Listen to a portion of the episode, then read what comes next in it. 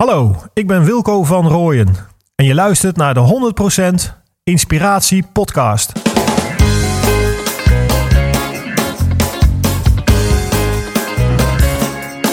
Hey, wat goed dat je luistert. Hij staat weer voor je klaar. Je wekelijkse dosis inspiratie is weer daar. De allerleukste gasten geven al hun kennis prijs. Met je veel te blije host, hij praat je bij. Zijn naam is Thijs. Thijs,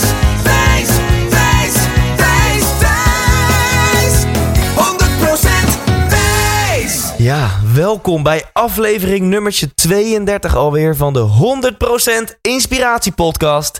En ik weet het, ik zeg het wel vaker, maar ik meen het echt uit de grond van mijn hart. En ook dit keer weer. Dit is een bijzondere aflevering met een bijzondere gast en een bijzonder verhaal. Wilco van Rooyen heb ik voor jou geïnterviewd. En Wilco is met name bekend als bergbeklimmer. Maar als je hem enkel omschrijft als een bergbeklimmer, dan doe je hem echt veel en veel en veel te kort. Wellicht heb je een vooroordeel dat de bergbeklimmers misschien een stel adrenaline junkies zijn. En ehm, ja, na dit interview zou ik willen zeggen: think again. We gaan het eh, daarom niet alleen daarover hebben. We gaan het ook he- hebben over Wilco's visie op het leven, op de natuur, op duurzaamheid, op leiderschap. En ik vind dat dat een hele bijzondere en inspirerende visie is. Ehm, ja, en als kleine teaser, weet je wat, lees ik even een klein stukje voor op zijn Wikipedia. En dat gaat wel over een hele heftige ervaring die hij heeft gehad eh, tijdens het beklimmen van een berg. Komt-ie. Op 2 augustus 2008 werd Van Rooyen na een ongeval op de K2 vermist, maar keerde na drie dagen levend terug uit de zone des doods. Elf andere klimmers kwamen op de berg om het leven. Van Rooyen was verdwaald en miste in de afdaling kamp 4. Na twee nachten in de zone des doods te hebben doorgebracht, vonden Sherpa Pemba en teamgenoot Cas van de Gevel de hulpeloze Van Rooyen en brachten hem naar kamp 3. Van Rooyen klom op eigen kracht terug naar het basiskamp, alwaar derde graads bevriezingsverschijnselen aan zijn tenen werden geconstateerd. Uiteindelijk moest hij hierdoor al zijn tenen missen. En zo gaat het nog eventjes verder. En ehm, ook wederom, als je dit verhaal hoort, denk je misschien waarom. Dat dacht Michael Pilatschik ook. Die stelde, die stelde ook die vraag aan Wilco. En daar gaan we dit interview eh, op in. Misschien hoort het aan mijn stem. Ik heb een paar keer echt met misschien wel tranen in mijn ogen geluisterd naar zijn, eh, naar zijn verhalen, naar zijn visie. En ehm, ik hoop dat, dat, eh, dat jij dat ook gaat doen. Hier is Wilco van Rooyen. 100% Thijs. Wilco van Rooyen zit hier tegenover mij. We Ja. zitten hier in jouw prachtige huis. Eh, mansion zou ik bijna wel, eh, wel kunnen zeggen. Dankjewel. Eh, en eh, heel veel licht ook, echt mooi. En voor mijn luisteraars de bekende eerste vraag. Wilco, wat wil je worden als je later groot bent? Jeetje, wat een vraag. Daar stoei ik mijn hele leven al mee. Eh, wanneer ben je wat? Ehm, ja, weet je, ik, eh, ik moet eerlijk zeggen, ik ben nog wel steeds, eh, ook ik, nog wel een ambitie, een droom om nog iets te doen. Ehm, ja, wat je echt na kan laten, zeg maar. Oh ja. wat, wat, wat, wat, en bedoel ik niet een boek schrijven, dat is al gebeurd. En een boom planten en dat soort dingen. Of, of, of, of een mens op de wereld zetten. Maar iets, iets ehm, ja, toch wel iets in de duurzaamheids... eh, eh, weet je, zo, zoiets. En of dat nou eh, ja, een product is of, of, of, of een beweging of, of iets. Dat, dat, dat, dat, dat is nog wel iets wat ik ambieer. Ja, dus je wil iets, iets positiefs nalaten in deze Ja, wereld. ja. Positieve bijdrage Ja, leveren. En ik, het eerste- als ik een voorbeeld mag noemen, eh, Waku Waku eh, bijvoorbeeld. Hè? Dat is dat zo'n la- ledlampje wat bedacht is van eh, dat, dat, dat, dat, dat, nou ja, in dit geval, eh, eh, wij spreken kinderen in Afrika of waar dan ook maar ter wereld waar ze weinig licht hebben. Hè, met, met, eh, met één dag zon eh, hebben ze 80 uur licht, daar kunnen ze mee studeren. Ja. En het leuke vind ik is dat je in de westerse wereld betaal je overal de hoofdprijs voor. Dus ook voor dat ding. Maar vervolgens wordt er een tweede gratis weggeschonken. En op die manier kan je dus een hele beweging op gang brengen. Ja. Ja, dat vind ik echt een heel concreet, ja, kleinschalig, eh, overzichtelijk. Nou, zoiets. Ja, dat, dat, dat, dat lijkt me geweldig. ja. En eh, je noemt ook meteen het woord duurzaamheid. Dus jij denkt daaraan. Ja, moet wel. eh, ik zeg altijd maar, we leven in een, in, in, in, in een cirkel, om het zo maar te zeggen. Althans, daar geloof ik heel sterk in. Ja. Hè? Dus alles komt weer terug. Ja. Ehm, dus onze techniek is wat dat betreft helaas vooral lineair. Hè? Dus we, het, het eindigt allemaal op een chemische asfalt, eh, afvalbelt, om Ja. het zo maar te zeggen. Maar als ik iets bedenk, dan moet het inderdaad wel zeg maar, weer opgenomen worden. En, en ja, het moet, moet de, de, de wereld niet schaden, maar Ja. ja, het voor de mensheid rijker maken. Ja. En uh, nou, jij rijdt in een elektrische auto. Ja. Die je denk ik oplaadt met volledige groene energie. Ga ik Ja, even voor het ja, gemak vanuit. ja. Niet de Schumel-energie, maar nee, de ik heb mijn eigen panelen en eh, zo heb ik ook mijn huis uitgerekend. Dat was ook, als ik het dan toch doe, dan wil ik het ook gelijk ja, zeg maar in die cirkel doen. Ja, want je hebt warmte-koude opslag. Je hebt enorm veel zonlichtdoorlating hier. Dus weinig eh, verlichting nodig. Klopt. En ook water uit de grond gebruik ik. Dus eh, voor, voor de wc te spoelen en regenwater en dat soort zaken. En ook eh, ja, zeg maar, eh, zo min mogelijk eh, plastic gebruiken en dat soort dingen. Dus ook eh, lokaal groente kopen, dat soort dingen. Dus ik, ja, wij zijn er wel heel actief mee bezig. Leuk. Kun, kun je eens wat vertellen over jouw passie voor duurzaamheid? Ja, nou ja, dat is eigenlijk heel logisch, eh, heel vroeg ontstaan ook. Want mensen, kijk, het woordje is natuurlijk, eh, ja, bij wijze spreken een paar jaar oud. Maar we zijn er natuurlijk al decennia mee bezig. Eh, en, en, en uiteindelijk op expedities, zeg ik altijd maar, denk je heel goed na over waar je je water vandaan haalt. Hè? Want als je natuurlijk ja, plast in je eigen gletsjerwater, dan heb je een probleem. Ehm, maar ook over zonne-energie, want ook wij communiceren natuurlijk, maar daar heb je wel energie voor nodig. En er zijn geen stopcontacten in, in de bergen. Gelukkig. Ehm, dus dat betekent gewoon dat je met zonnepaneeltjes werkt. Nou, dat Ja. doen we al sinds, ja, sinds ik expedities doe. Dus eh, decennia terug. En ik heb dat altijd ook heel logisch gevonden. Alleen dan kom je thuis en dan, ja, dan, dan, dan gooi je dat, dat, dat, dat, dat soort spullen allemaal aan de kant. En dan gaat het van de grote hoop. En dat is eigenlijk heel onlogisch. Ja. Ehm, dus dus eh, wij waren er eigenlijk altijd heel vroeg al van doordrongen. En we hebben natuurlijk ook al de gevolgen eh, gezien. Ook op de Noordpool in 97 al. Alleen toen was er nou, helemaal geen aandacht voor. Je was roepen in de woestijn. Ja, dus ik was heel blij, wat je er ook van vond, dat uiteindelijk met Inconvenient Truth eh, er aandacht voor kwam door middel van die film. En uiteindelijk leven we nu, eh, godzijdank, in een tijdperk dat iedereen eigenlijk wel overtuigd is om daar eh, zijn steentje aan bij te dragen. Nou ja, en in die zin heb ik het ook doorgetrokken naar huis. En dacht ik, dan moet ik het ook, eh, man, een man, een woord, een woord. Eh, dus ook gewoon elektrisch rijden. En eh, dat, dat is misschien duur aan de voorkant, maar wel heel zaam. Dus uiteindelijk dat Ja. doe je daar veel langer mee. En uiteindelijk ehm, ja, is het gewoon allemaal voorhanden. Het is alleen een kwestie van, wil je het ook echt? Nou, ik wil het echt. En eh, ik, eh, ik, ik voel me daar ook een ambassadeur voor. Ja. En in die zin ehm, denk ik ook dat ik de, de, natuur recht eh, doe. En die natuur is ook ja, eerlijk voor mij geweest altijd. Dus in die zin, ehm, ja, wie ben ik om dan vervolgens de natuur te willen vernietigen? ben ik helemaal met je eens. En ik denk heel veel mensen die luisteren. En ik denk tegelijkertijd dat heel veel mensen denken... ja, ik hang aan je lippen, maar het is nog zo'n vaag begrip, duurzaamheid. Ja. heb je misschien één tip voor mensen Ja. die luisteren... en die denken, ja, oké, ik, ik voel je... en ik wil ook Ja. wel mijn steentje bijdragen, maar Ja. hoe dan? Nou, heel simpel. Kost je niet eens geld. Dus die reden kan je ook niet meer opvoeren. Hè? Want dat heb je dan als je over zonnepanelen. Ja, is een investering. En eh, ja, hoezo investering? Want als je een tv koopt, praat ook niemand over de investering. Maar oké.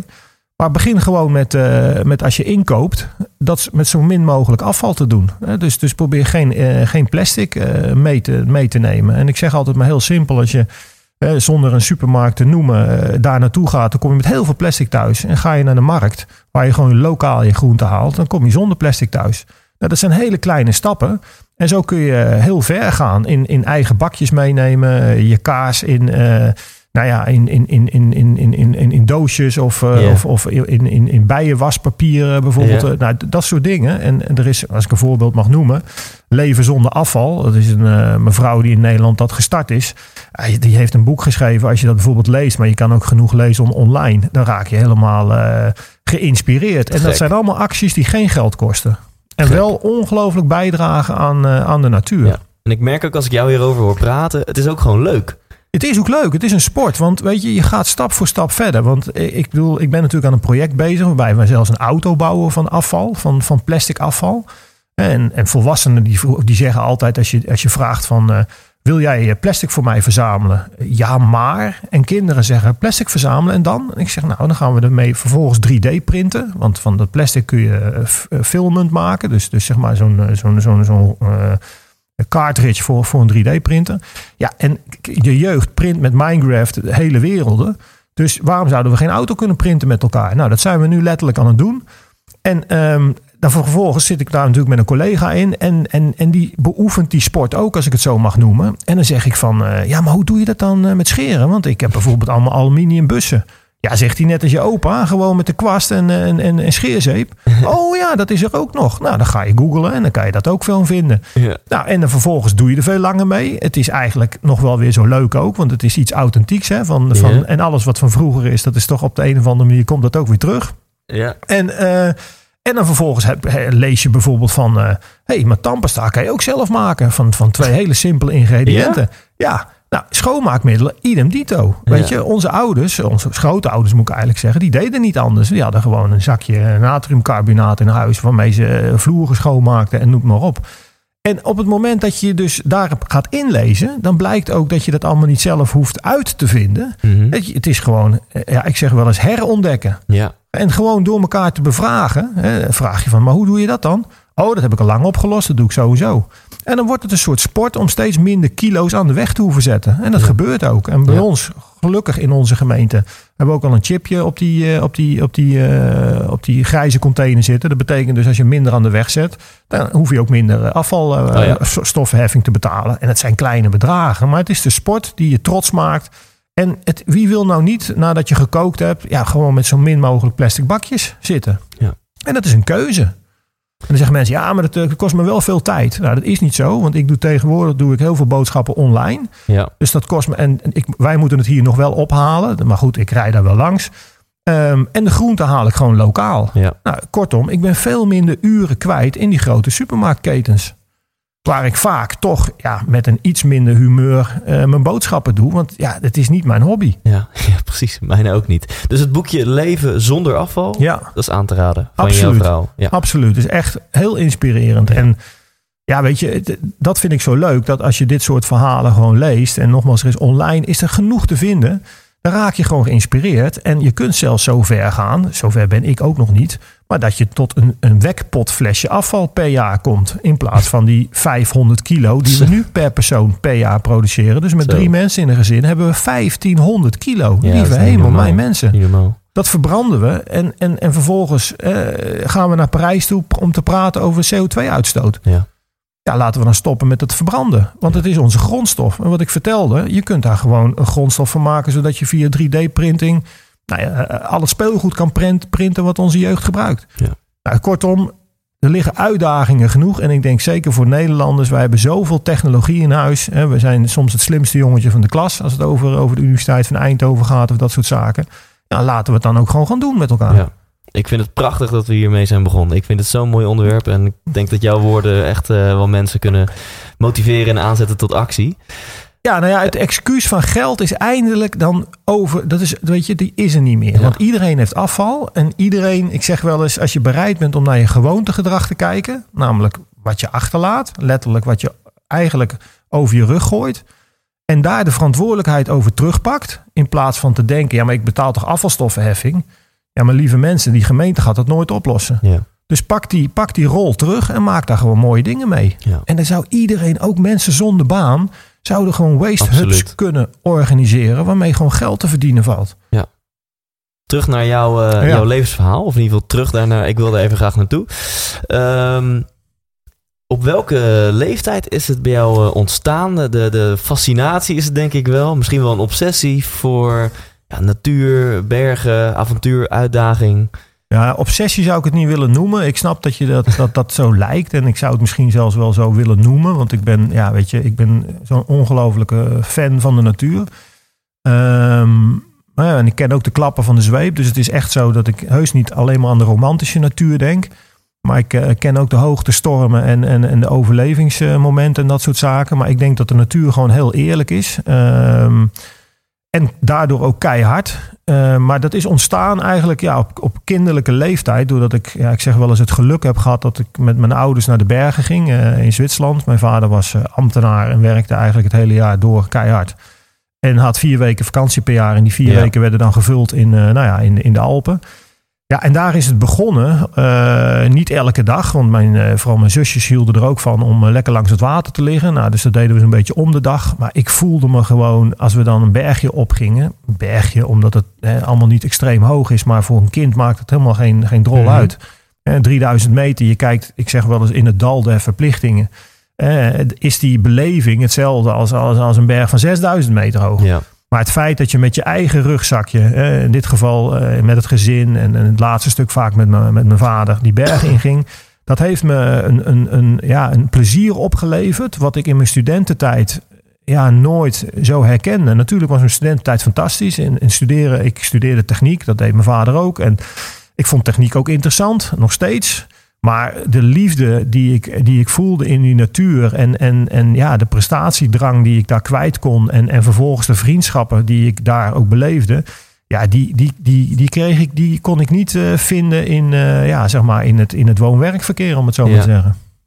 En uh, op, waar heb je het nu over? Was je toen 6, 7, 8? Ja, of, toen was ik inderdaad, ja, de vroegste foto's die zijn inderdaad van 6, 7 jaar. Dat ik op een gletsjer loop en ja, nogmaals, toen niet wetende wat het allemaal zou gaan brengen. Dus ja. eerst zeg ik ook wel eens het begaande pad belopen. Hè? Dus studeren. Ik had ook ouders die zeiden dat ik vooral voor later moest zorgen. Ja. Dus ik moest de verantwoordelijkheid. Daar was je niet de enige in, denk ik. Precies. Nou, dus HAVO gedaan. Nou, vervolgens uh, HTS. Uh, vervolgens nog naar de universiteit. Vervolgens ging ik stage lopen. Ja, en toen begon eigenlijk de grote vraag. Want dan voel je de maatschappelijke druk van...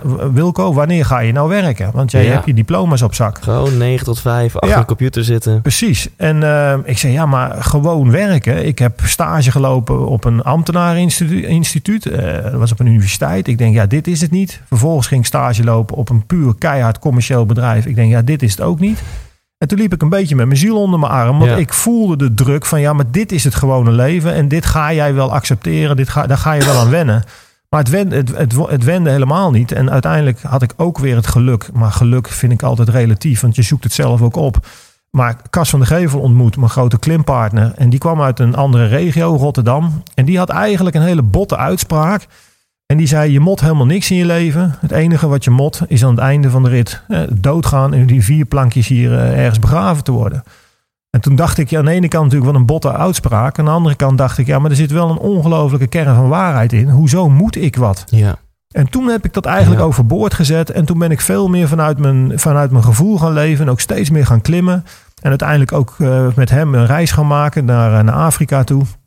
En dan kom je ook in een andere wereld, een wereld terecht waar, waar regels eigenlijk, nou ja, die zijn er niet. Er is heel veel corruptie. Nou, kortom, je, je, je, je komt in een ander soort systeem.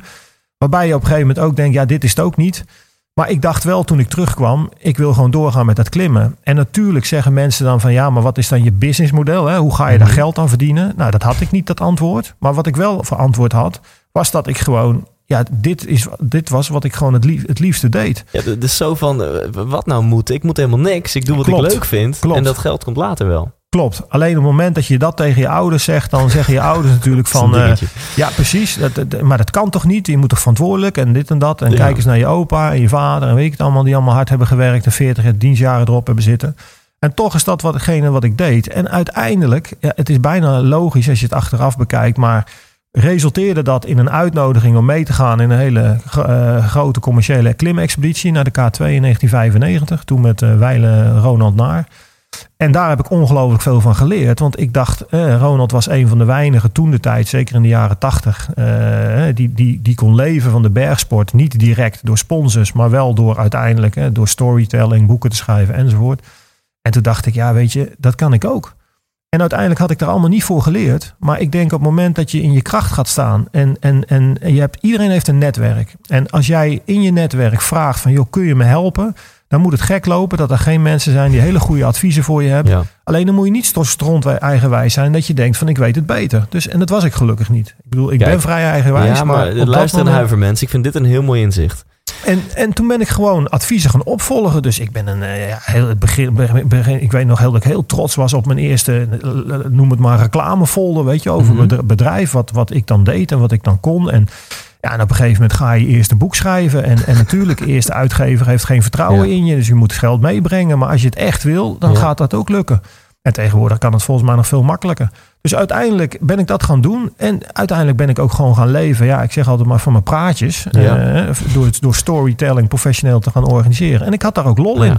Dus ik ben begonnen bij sportverenigingen voor 100 gulden op een avond. Samen met Cas nog. Uh, ja. uh, vervolgens kwam ik bij bejaardentehuizen. En, en vervolgens sta ik nu in het bedrijfsleven. Ja. En ja, als je daar lol in hebt, dan ontwikkelt zich dat vanzelf. En dan vragen mensen wel eens. Want ik trek natuurlijk de parallellen naar het bedrijfsleven. En van, hè, heb je daarvoor gestudeerd? Hè? Ik zeg, nee, ik heb nooit daarvoor gestudeerd. Maar als jij eh, hongerig bent, weet je, en je wil echt iets. Ja. Zeker tegenwoordig, je kunt alle informatie online vinden. En er zijn zoveel partijen die jou ook zonder betaling willen helpen. Hè, gewoon omdat ze in Ja. de zaak geloven. En ja, wie wil er nou niet trots zijn op iemand die ze geholpen Ja. hebben, waarvan ze denken, hè, die, die, die gaat het straks doen. En als jij, ja, ik zeg wel eens, eh, de credits geeft aan de juiste Ja. mensen, dan blijven ze je helpen. Ja, maar weet je, mensen willen mensen helpen. Dat vind ik een van de mooiste dingen aan de mensen. Weet Er zijn ook heel veel nare dingen aan mensen. Dan Klopt. het, eh, ja, we Ja. weten allemaal wat we dan Ja. ongeveer bedoelen, denk ik. Maar het mooie aan de mensen vind ik onder andere dat, je, dat we eigenlijk heel graag elkaar willen helpen. Daar halen we Klopt. heel veel energie uit. Klopt, klopt. En het is niet zo van ik doe wat voor jou en dan doe jij wat voor mij. Als, als, als jij gewoon een goed verhaal hebt, ja, precies wat jij zegt, dan natuurlijk zijn er heel veel mensen eh, waarvan we kwaad eh, kunnen denken. Maar ik ben altijd een, een, iemand geweest die gewoon in de oprechtheid heeft gelo- eh, geloofd. En dat heeft me af en toe ook wel eens, eh, nou ja, eh, daar heb ik offers voor moeten brengen. Maar grosso Ja. modo heb ik daar alles mee bereikt. Ja. En het geldt hetzelfde voor de bergen. Mensen zeggen wel eens, ja, maar je moet kijken wat de bergen jou gekost hebben uiteindelijk. Dus als je het over had willen doen, ik zeg, dan zou ik het zo weer doen. Want Ja. ik zie niet dat de bergen mij veel gekost hebben. Die bergen hebben mij veel gebracht. Ja. En als jij het dan hebt over dat ik bij wijze van spreken eh, mijn tenen ben verloren, om het dan maar even heel plat te zeggen. Dan zeg ik, ja, dat is wel zo. Maar wat ik daar allemaal voor terug heb gekregen, hè, dat, dat is... Dat is dat is dat mind-blowing. En natuurlijk, als ik een kruisje moet Ja. zetten van wil je je tenen verliezen, dan zeg ik nee. Maar nu het gebeurd is, is het voor mij een afgesloten hoofdstuk. En weiger ik het negatief te bekijken. Nee, ik bekijk het juist vanuit de kracht hè, wat het ons gebracht heeft. Ja. Wauw, ik vind het een mooie cliffhanger. Want hier is natuurlijk de beruchte K2 eh, Ja. die je bekloppen. Niet te verwarren met K3. Ja, Ehm wil ik het zo even over hebben. Ehm, want ik kunnen we toch niet omheen. Ik vind het wel leuk om, eh, om daar wat meer over te horen. Eh, klein stapje terug. Je zegt heel stoer van, nou ja, ik had een passie en eh, het leverde nog niet echt geld op. En het was even een pittig gesprek met mijn ouders. Maar eh, ja, jij ging ervoor. Ja. En na verloop van tijd kwam er een boek en kwamen Ja. er lezingen en kwamen er praatjes. Eh, maar dat tijdstip daarvoor, eh, hoe kwam je toen rond? Ja, nou, dat is een goede vraag. eh, want ik heb nooit voor een baas gewerkt, zeg ik wel eens. Maar Mhm. ik heb uiteindelijk wel in die tussentijd toen een bedrijfje opgericht. Samen met mijn klimpartner, of eigenlijk niet samen, maar hij, hij, had het al gedaan. Hij had HTS bouwkunde gedaan, ik elektrotechniek. Dus hij had een eh, bouwbedrijfje opgericht. En eh, nou ja, in de bouw liep hij natuurlijk constant tegen elektra-problemen aan. Ik zei, nou, dan ga ik dat oppakken. En zodoende ben ik, zodoende ben ik toen eh, AIT, advies- en installatietechniek, begonnen. En daar heb ik eigenlijk eh, nou ja, een paar jaar mee ja, mijn brood gewoon verdiend. Toen ik nog niet van die lezing eh, kon lezen, leven. Ehm, maar dat is het mooie, dat uiteindelijk eh, ja, groei je daar naartoe. En, en uiteindelijk heb ik toen daar ook de stekker uit durven te trekken. Want dat was natuurlijk ook heel makkelijk om dat te blijven doen. Hè. Eh, mijn partner, mijn klimpartner eh, werkt nog steeds op die manier. En daar is hij ook heel happy over. Die zou ook niet kunnen doen wat, wat ik doe, eh, volgens eigen zeggen. Hoewel ik dat betwijfel, want iedereen kan zich ontwikkelen, maar oké. Ehm, en uiteindelijk ehm, heb ik daar de stekker uitgetrokken. En dat is wel mooi. Op het moment dat mensen ergens een stekker uit durven te trekken. Ehm, veel ondernemers zeggen ook: als je iets doet, dan moet je iets goed doen. Ja. Je moet geen twee dingen half doen. En daar heb ik heel, best wel moeite mee gehad. Want zodra je natuurlijk iets doet wat geld oplevert, denk je: ja, maar dat, dat, dat, dat zorgt wel ervoor dat ik deel van mijn hypotheek kan betalen. Maar op het moment dat je dat blijft doen, eh, zul je nooit de creativiteit en de ruimte in je kop krijgen om uiteindelijk echt te accelereren op dat, op, die, op dat andere vlak. En op het moment dat ik de stekker eruit trok, zat ik natuurlijk letterlijk thuis op de bank en dacht ik, oké, en nu? Maar dan heb je 24 uur per dag om alleen maar bezig te zijn in, met die zaak waarin je echt gelooft. Ja. En dan komt het echt vanzelf. En zelfs als het niet zou komen, dan ben ik er nog van overtuigd dat het je achteraf zoveel heeft gebracht. Dat je zegt, toch is het goed geweest ja, dat ik die ruimte heb gemaakt voor mezelf. Wauw. Dus, eh, ik, interviewde een paar weken geleden Hugo Bakker. Die zei bijna precies hetzelfde. Want ik krijg heel vaak van mensen de vraag van... Thijs, ik zit bij, bij dit bureau, Ja, ik werk ja, daar. Ja, En het is niet echt mijn passie. En ik wil hiernaast iets gaan doen. maar ik heb een hypotheek, weet je. ook ja, ja, ja. En toen zei Hugo Bakker ook van... Ja, maar er is, je moet niet een veilige overstap maken. Er, er is maar Nee, één advies. klopt. Dat is het beste advies. Advies, verbrand je schepen. Klopt. En wat jij dus zegt, dan heb je 24 uur... Ja, Tijd, ja, ruimte ja, in je geest, in je, in je gedachten. Maar dat gaat dus wel uit eh, dat je dus voor jezelf echt gewoon, ik zeg wel eens in die zelfkern de overtuiging hebt. Ik, ga het gewoon, ik ga het gewoon maken. Ja, Maar ook met het vertrouwen dat zelfs als het niet lukt, dan is het ook goed geweest. Ja. Maar als je het niet doet, zul je, zul je nooit, ja, omdat het woord eh, dat accelereren, dat, dat, dat, dat je gaat vliegen, ja. dat dat vliegwiel echt op gang gaat komen. Ja, dat, dat duurt of tien keer zo lang. Ja, of, of misschien eh, gaat het nooit eh, gebeuren. Ja. Om, omdat mensen willen ook gewoon weten, wat, wat, doe je nou? Waar, waar sta je nou voor? Eh, weet je? En, en ja, ik zou haast willen zeggen, verkoop dat huis en ga gewoon iets huren. Of ga voor een periode, voor mij een paar reizen. Weet je, dat brengt zoveel inspiratie en zoveel ja, overtuiging. Echt waar, ik kom nu net weer terug van de expeditie. Het is pas twee weken geleden. En joh, als ik mezelf nu niet temper, zou ik zo weer weg willen gaan. Ja. En, want ik raak zo geïnspireerd. Ik denk, Ja. eh, shit joh, ik heb maar één leven. Ik zou, ik zou er nog wel drie kunnen verzinnen. Ja. En, maar dat heb ik vooral als ik weer terugkom, weet je. En als ik niet oppas, dan... Ja, dan, dan, ja, en zonder om negatief te doen, hè, maar dan, dan, dan maal je mee in die, in die stroom.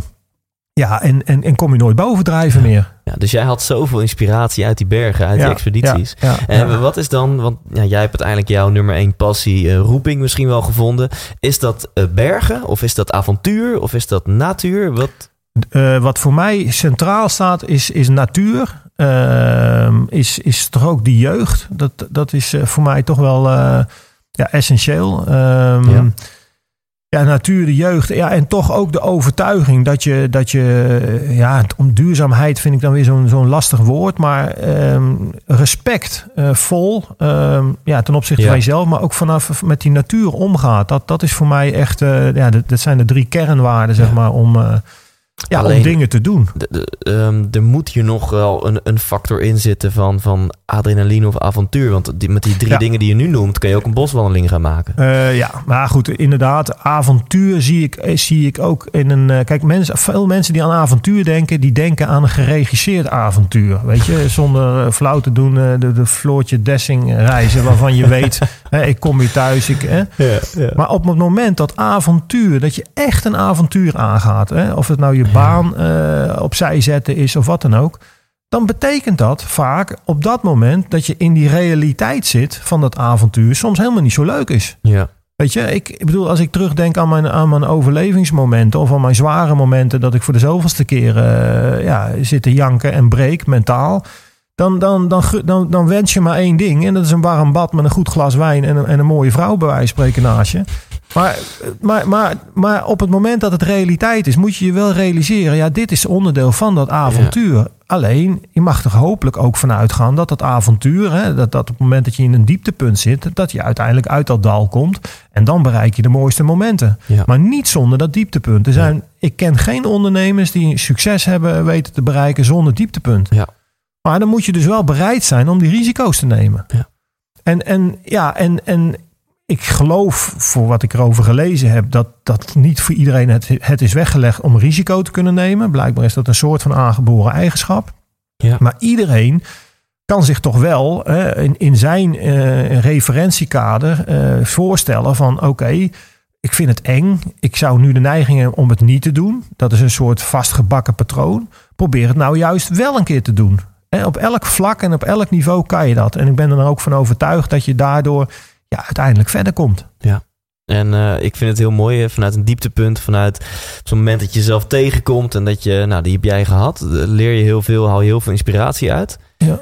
Ehm, ja, laten we het daar eens over hebben. Eh, eh, en daarna ben ik heel benieuwd wat voor inspiratie jij er dan ook eh, uit hebt gehaald. Ehm, ik denk dat dat wellicht je grootste dieptepunt of grootste uitdaging is geweest het beklimmen van die K2. Mhm. En dat was wellicht ook je doorbraak. Ik hoorde je net even praten met een opdrachtgever. Toen zei je ook van ja, eh, als het goed gaat hoor je er niemand over. Maar als het fout gaat is het wereldnieuws. Ja. Ehm, sorry, ik praat nu heel veel. Maar even voor de Ja, mensen die, ja, eh, die niet ja, weten waar het over gaat. Wil je eens even kort samenvatten wat daar eh Ja, ik, is? ik vind het moeilijk om in, eh, in superlatieven te praten. Zo van, nou, dat is jouw grootste. Of jouw, weet je. Kijk, eh. Mount Everest is voor mij ook een, een, een, een traject geweest van tien jaar, weet je wel. Waarin ik uiteindelijk, weet je, ook was mijn vader verloren. Nou, allemaal, eh, ja, zeg maar zeggen, hele belangrijke momenten in mijn leven. Ehm, ehm, maar goed, uiteindelijk die K2, die ja, stond ook nog steeds op mijn lijstje. En inderdaad, als je alles bij elkaar optelt, ben ik daar 13 jaar mee bezig geweest. Eh, twee keer een, eh, nou ja, een, een, een behoorlijke mislukte expeditie op dat vlak gehad. Mislukt tussen aanhalingstekens. Want ja, ook als je de top niet haalt, leer je daar juist weer ongelooflijk veel van. Alleen, het is niet af. Dus in mijn beleving wil ik dan dingen toch afmaken. Dus ik Ja. ging daar een derde keer naar terug. Ja, en toen werden we wereldnieuws inderdaad. Omdat uiteindelijk op de terugweg eh, onze touwen ja, verdwenen waren. eh, weggeslagen door, door vallende ijsblokken, eh, lawines. Niemand heeft wat gezien of gehoord. Hè? Want iedereen denkt bij lawines dat is oorverdovend en de, de, de, de, hemel en aarde vergaat je. Maar er zijn ook lawines mogelijk die plaatselijk plaatsvinden. En op zo'n gigantisch grote berg. Ja, als jij dan toevallig op de top staat, dan heb je niet eens door dat lager uh, nou ja, ijsblokken naar beneden kukelen. Ja. Dus wij kwamen voor een voldongen feit te staan, verrassing. En uh, ja, dan begint eigenlijk uh, ja, het ongeplande avontuur. Want een avontuur probeer je zo goed mogelijk te plannen en voor te bereiden. Vanuit je ervaringen. Maar ja, op het moment dat je ja, op een punt komt waarin je geen handelingsperspectief meer hebt. Omdat in dit geval letterlijk je lijflijnen verdwenen zijn. Ook nog in het donker. Ja, dan, dan, dan sta je gewoon ja, letterlijk en figuurlijk voor een afgrond. En de vraag is dan, wel, wat ga je dan doen? En, en ja, er zijn mensen die hebben geprobeerd om zonder die touwen naar beneden te komen. Uh, ik zelf heb een bivak gemaakt met twee andere klimmers. Ja, nou ja. Want je, je bent er met een team en, en op dat moment heeft niet iedereen hetzelfde plan om nee, uit deze nee, situatie want je te hebt komen. één plan. Hè, en, en zolang het volgens plan verloopt, zal iedereen nou ja, je volgen of die dingen doen die je van elkaar verwacht. Althans, dat hoop je. Maar op een goed moment, eh, als dingen niet meer volgens plan verlopen, en zeker als op een gegeven moment eh, ja, levensbedreigende situaties daar zijn, ja, dan komt toch ja, het primaire overlevingsgedrag bovendrijven. En zeggen mensen natuurlijk van ja, maar ik ga nu naar links. In plaats van uh, laten we naar rechts gaan. Um, dus dat is, dat, is een, dat is een situatie die wij in ons normale leven ook niet kennen. Ja. Weet je, in een normale leven, of ons hele leven, als het goed is, speelt zich af in control. Hè? Je bent ja. in controle en nou, er zijn adviseurs om je heen enzovoort. Maar je moet je voorstellen dat op een gegeven moment kan er een situatie ook in je leven voortkomen dat er geen controle meer is. Dat is ook als je ernstig ziek bent. Hè? Dan zeggen artsen, ja, we weten het ook niet meer. Dan gokken ze dat je nog een paar maanden te leven hebt. En dan wordt het interessant. Want op dat moment, hè, dan is de mens niet meer in control. En dan is de vraag, wat ga je als mens doen? Ga je dan nou ja, je erbij neerleggen? Hè? Of, ja. geloven wat andere mensen zeggen? Of ga je dan heel erg naar jezelf toe en, en ja, je, je eigen antwoord creëren voor zover dat er is. En in dit geval was er geen antwoord. Als, de, als ik zeg wel eens als de weg doodloopt, je kunt niet terug omhoog, je kunt niet naar links, je kunt niet naar rechts, dus het leven houdt op. Ja. Ik heb toen op dat moment ook nog gebeld tot overmaat van rampen. Mijn satelliettelefoon naar huis, waar mijn vrouw zat met een zoontje van zeven maanden toen. Zo. Nou, je kunt je voorstellen, via de media was al lang bekend dat er allerlei klimmers omgekomen waren in lawines. Ja, dat, je, dat, maar dat, dat was uit jouw groep? Ja, of, dat was uit mijn groep. Dus dat, er was al bekend ja. dat dat een aantal... Hoe ja. was dat zo snel ja, al bekend dan? Uh, op een gegeven moment, als er natuurlijk één nacht geen nieuws van die berg komt... Oh, okay. hè, dan, dan is het nog daar, daar aan toe. Maar de volgende dag ook geen nieuws. De volgende nacht dan weer niet. Nou, en dan gaat de media zich ermee bemoeien. En dan worden de klimmers gebeld die natuurlijk in het basiskamp zitten... Ja, en die weten dan te vertellen van ja, er is een ramp gaande. Er zijn, er zijn touwen zijn er verdwenen. Dus, uh, ja, dus het moment dat jij met je vrouw belde was niet het moment dat je constateerde... fuck, waar zijn de touwen? Maar dat was al een tijd later. Precies, dat was al ongeveer uh, ja, een, een, een, sowieso een nacht. En uh, de volgende dag pas ja, was Zo. dat het geval. En hoe, ja, je zegt tot over, overmaat van ramp. Hoe, hoe, hoe gaat zo'n telefoontje? Ja, dat, dat is bijna niet voor te stellen. Want mensen denken natuurlijk dat je ongelooflijk op je sodomieten krijgt. Maar dat doe je helemaal niet. Want je je kent de uitzichtloze situatie. Dus wat je doet, je zit 10.000 kilometer bij elkaar weg. En je zit op 8000 meter hoogte. Er kan geen helikopter naartoe. Er kunnen geen reddingsteams naartoe. Dus ja, wat moet je dan zeggen? Het enige wat je doet is natuurlijk ja, een soort mantra uh, herhalen van doorknokken. Want je zoon, het kan niet zo zijn dat jij je zoon niet meer ziet. Je moet terugkomen. Je hebt, je hebt nog een taak te doen, weet je. En met, met die, met die gedachte hang je natuurlijk ook op van, van ja, maar dit kan ook niet het einde ja. zijn. Alleen tegelijkertijd hang je op en, en je ziet ja, het, het beeld voor je, een zwarte afgrond. En natuurlijk ja, bekruipt je het gevoel, dit zou ook wel verkeerd kunnen aflopen. Alleen die gedachte, daar heb je verder niks aan. Dus ik heb ook altijd te proberen om te draaien van ja, maar er is wel een oplossing. Want het slechte weer gaat voorbij en, en, en er is heus wel een weg naar beneden. Alleen ik zie hem op dit moment niet. Alleen de vraag is dan van ja, maar hoe lang ga je dan wachten? Of wat moet er dan gebeuren voordat wel die oplossing komt? Ja. En op dat moment, ik vertelde al, ik, ik, ik, kon niet, ik kon niet verder naar beneden, kon niet naar links, kon niet naar rechts. En natuurlijk moet je wakker blijven. Alleen, ik weet niet of je die situatie herkent. Als je in een auto zit en je bent ongelooflijk moe. Je kunt vechten wat je wil, ja. maar op een gegeven moment vallen gewoon je ogen dicht. Ja. Dus dat was ook in mijn geval. En het was logisch geweest dat ik daar gewoon was gaan slapen en ook niet meer wakker was geworden. Want de accu is leeg. Je bent totaal aan je einde van je menselijk kunnen. Je zit op een hoogte waar absoluut te weinig zuurstof is voor een mens om te ook kunnen overleven. Maar na een half uur, dat weet ik omdat mijn horloge om het kwartier de hoogte heeft opgeslagen. Na een half uur eh, heb ik mijn ogen weer open gedaan. Vraag me niet hoe. Maar dan komen we op dat interessante eh, gesprek van... Dat er ook nog een stuk van onderbewustheid eh, zijn is. En, en, en ja, mogelijk dat je toch een connectie legt. In dit geval met je zoontje. Want later blijkt dat hij ongelooflijk heeft liggen krijsen als baby. Terwijl hij normaal hartstikke rustig was. Wow. Er zijn zelfs mensen geweest die hebben gezegd dat ik op dat moment nog een leven was, omdat ze dat voelden. Nou, hoe bizar is dit? Maar goed, even dat loslatende. Eh, na een half uur mijn ogen geopend en uiteindelijk ben ik ja, toch een, een, een, een, zeg maar een soort lawinegoot gaan afklimmen. Die, wat je normaal niet doet, omdat dat levensgevaarlijk is in verband met de lawines. Maar het was mijn enige ontsnappingsroute. als je, als je dan een misstap doet of er gebeurt iets Nou, als, onverwachts... als, dan, als dan weer lawine naar beneden komt. En er waren dus al een aantal lawines naar beneden gekomen. Ja, dan word je gewoon meegenomen. Dan lig je gewoon Ja, meters precies. diep onder de sneeuw. Ja. En niemand vindt je. Ja. En zelfs jaren later nog niet. Want die gletsjer die, die, Ja. die slokt je op. maar voor Ehm, nu was dit jouw... maar eh, ja, en ik kon in een korte tijd ben ik toch eh, daardoor eh, ontsnapt, zeg maar. En, en toen was ik er nog niet. Toen moest ik nog een bivak maken. dus nog een nacht weten te overleven. En uiteindelijk de volgende ochtend om rond 10, 11 uur heb ik kamp 3 weten te bereiken. Waar mijn grote klimmaat nog steeds zat te wachten. En nou ja, samen zijn we uiteindelijk toen verder afgedaald en hebben het weten te overleven. Maar ja, weet je, dit verhaal is totaal niet logisch. Want er ging ook al op het internet dat ik nooit meer in leven had kunnen zijn. Omdat ik al drie nachten in de zogenaamde dead zone zat. Hè? Dus Ja. die zone des doods waar een absoluut tekort aan zuurstof is. ja. Maar dit probeer ik dus over te brengen van jongens, ik heb dit zelf niet bedacht. Ik, heb, ik, ik bedoel, ik, ik kan mezelf nog zo geweldig voelen, voelen of vinden. Maar uiteindelijk is het de kracht van de mens, weet je, wat uiteindelijk ja, tot overleven weet te komen. En het is geen garantie. Hè? Je kunt niet zeggen, ja, waarom zijn die andere klimmers dan wel om het leven gekomen en jij niet? Ja, daar kan ik geen eenduidig antwoord op geven. Maar ik geloof wel heel sterk in het feit dat ik een connectie heb gehouden met mijn zoon. En dat ik inderdaad op de een of andere manier er energie van gekregen heb een trigger heb gekregen van of het nou uit de kosmos is of, of, of het is van, van, van God zelf. Maar ik, ik, ik heb uiteindelijk ergens ja, een moment gekregen waarop ik mijn ogen heb geopend en heb toegedacht. En, en, en, en, en deze kans moet ik grijpen. En uiteindelijk is het achteraf gezien, kan je zeggen, ja, dat was de oplossing.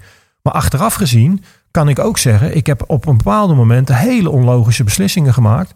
Maar het zorgt er wel voor dat ik hier zit. Zo. Dat is toch bizar? En, en toen jij, want ik heb hier natuurlijk nog 600 vragen over, want dit is Mhm. zo'n waanzinnig verhaal. Ja. Toen je bij, eenmaal bij kamp 3 aankwam, wist je toen, ik ga het redden? Want Ja, ik weet niet hoe zo'n kamp eruit ziet, ja, of daar gewoon warmte Ik was wel gigantisch de weg kwijt. Want uiteindelijk, ik was natuurlijk zo lang op hoogte geweest. Ik herkende mijn eigen maat niet meer.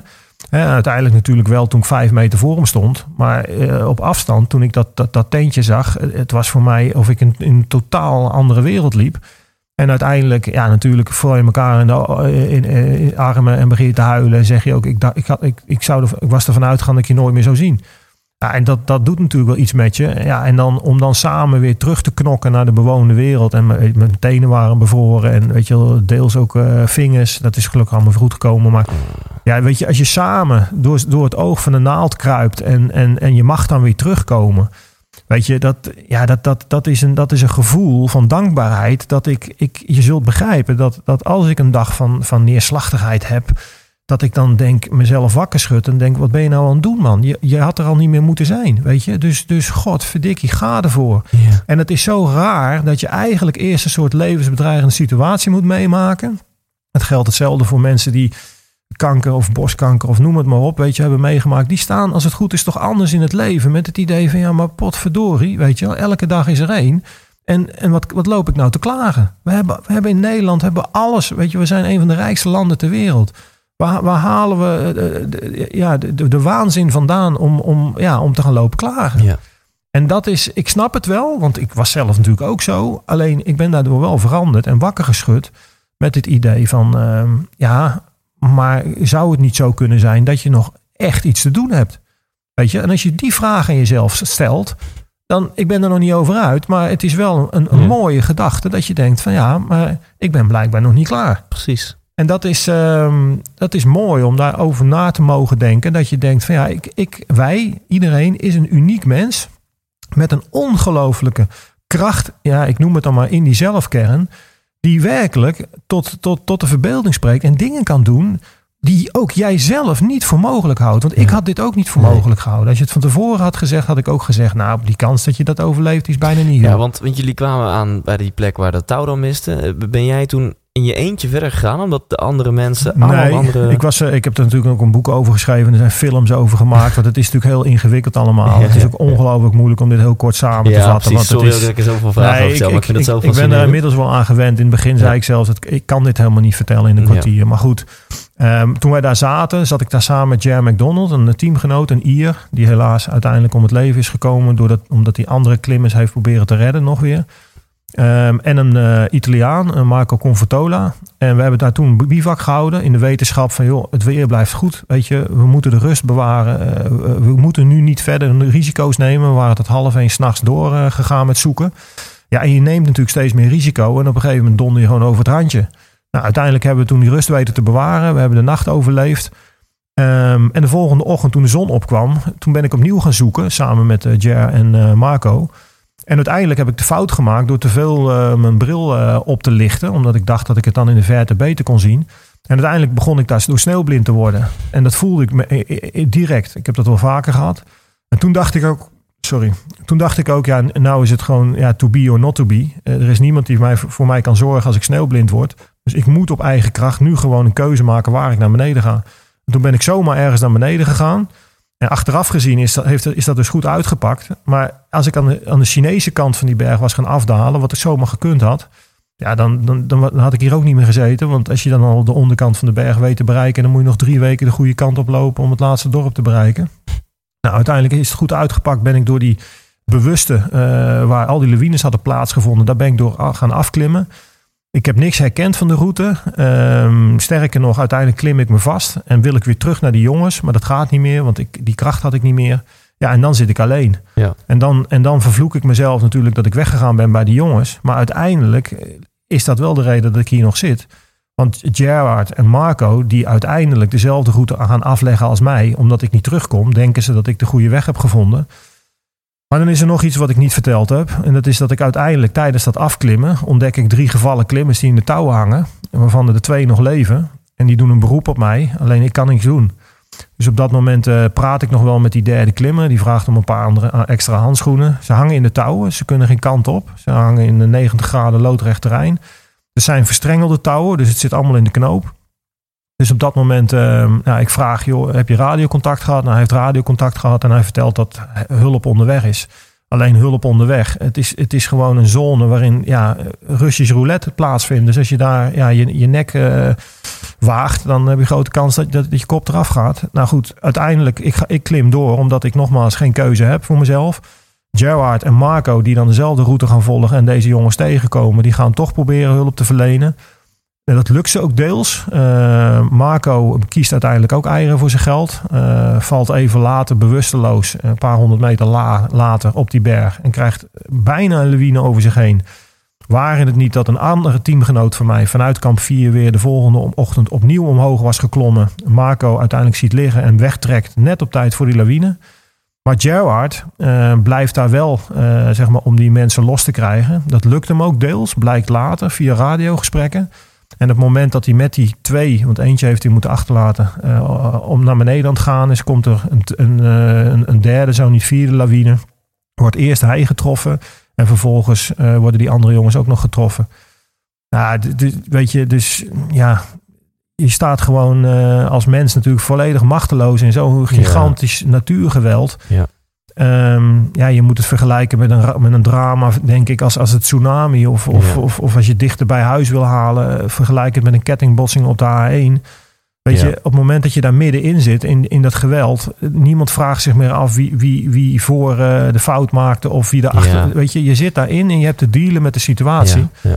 En mensen dachten ook dat ik heel boos was op die natuur of teleurgesteld. Of weet je, eh, op die natuur, die, die natuur, die, dat is, natuur is de natuur. Weet je, daar kun je niet boos op worden.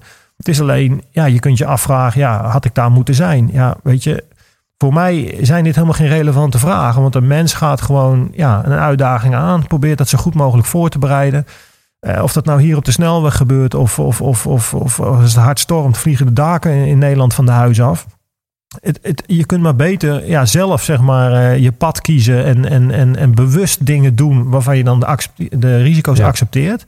Dan dat je, ja, om het heel zwart-wit te maken, eh, achter de graniums gaat zitten wachten tot, eh, Hè, het is voor mij nooit een kwestie geweest van uh, die, die bergen die, die, die, die kunnen mij de kop kosten. Dat, dat is wel zo. Maar ja, weet je, het kan mij overal de kop kosten. Ja. En één ding, omkomen in het verkeer vind ik echt een drama. Die mensen waren, die hebben geen afscheid genomen thuis, ja. waren niet in hun kracht, waren niet ja. met passie bezig. Die waren gewoon.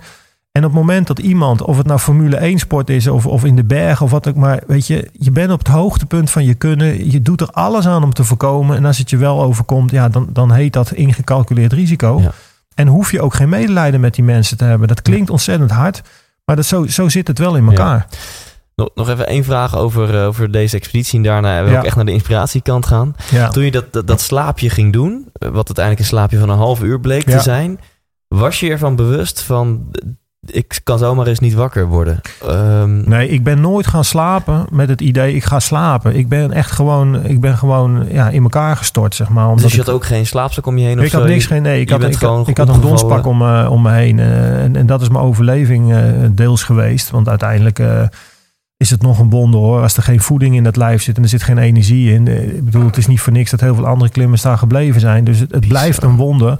Maar ik wil alleen maar aangeven dat als wij denken als mens dat iets niet meer kan, dat is, dat is bullshit. Weet je, denken in grenzen is iets heel menselijk. Maar ik zeg altijd maar, als je aan, aan het heelal denkt, dan begrijpt iedereen dat het grenzeloos is. Als we aan topsport denken, denken we ook dat we elke keer die, die, die, die, die wereldrecords kunnen verbreken.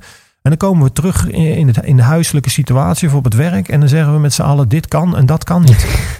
Ja. Weet je, ja. fuck it. Alles kan. De vraag is alleen van ja, ben je bereid om, om, ja, om ervoor te gaan? En kun je genoeg mensen vinden die allemaal zo gek zijn als jij om, om voor dat ene.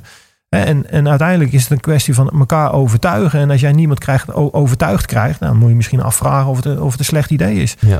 Maar weet je, mensen, echt waar, wij, de, de, de meest fantastische filmpjes, maar ook verhalen, komen van dingen die wij niet kunnen verklaren.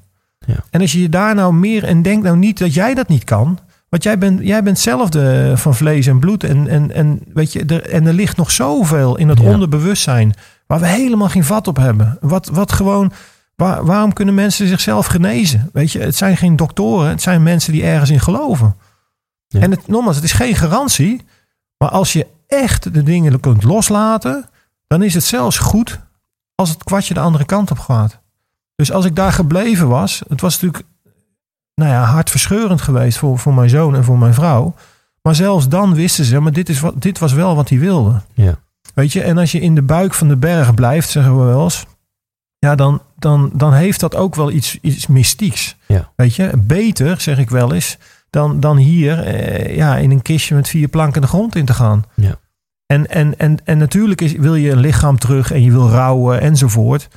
Maar ja, weet je, die, nogmaals, ik zou haast willen zeggen, die bergen die blijven daar miljoenen jaren. En, en als je hier de grond in gaat, dan moet je nog maar afwachten of de, of de, of de begraafplaats over tien jaar bestaat. Ja, en daar blijf je ook mooi intact door de temperatuur. Nou ja, afgezien van dat, maar weet je, ik, ik vind het niet luguber. Mensen, vinden, mensen denken vaak aan bloed en, en nee, weet je, je ligt daar gewoon vaak in een soort foetushouding. Je bent ingeslapen. Ja.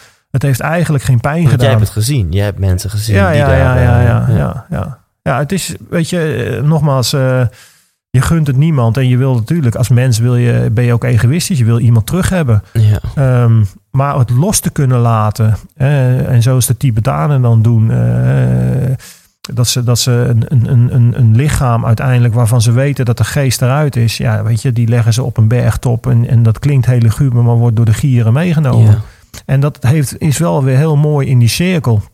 Weet je, dus, dus in die zin, ja. Uh, ja, het is misschien ook wel een soort offering of zo. Ja, en, en dat ja. wil je niet, nogmaals. Maar um, ja, als het dan toch gebeurt, heeft het voor mij alleen maar iets mystieks. Hè? En, Ja. en, en ook Gerard, onze teamgenoot die daar is gebleven.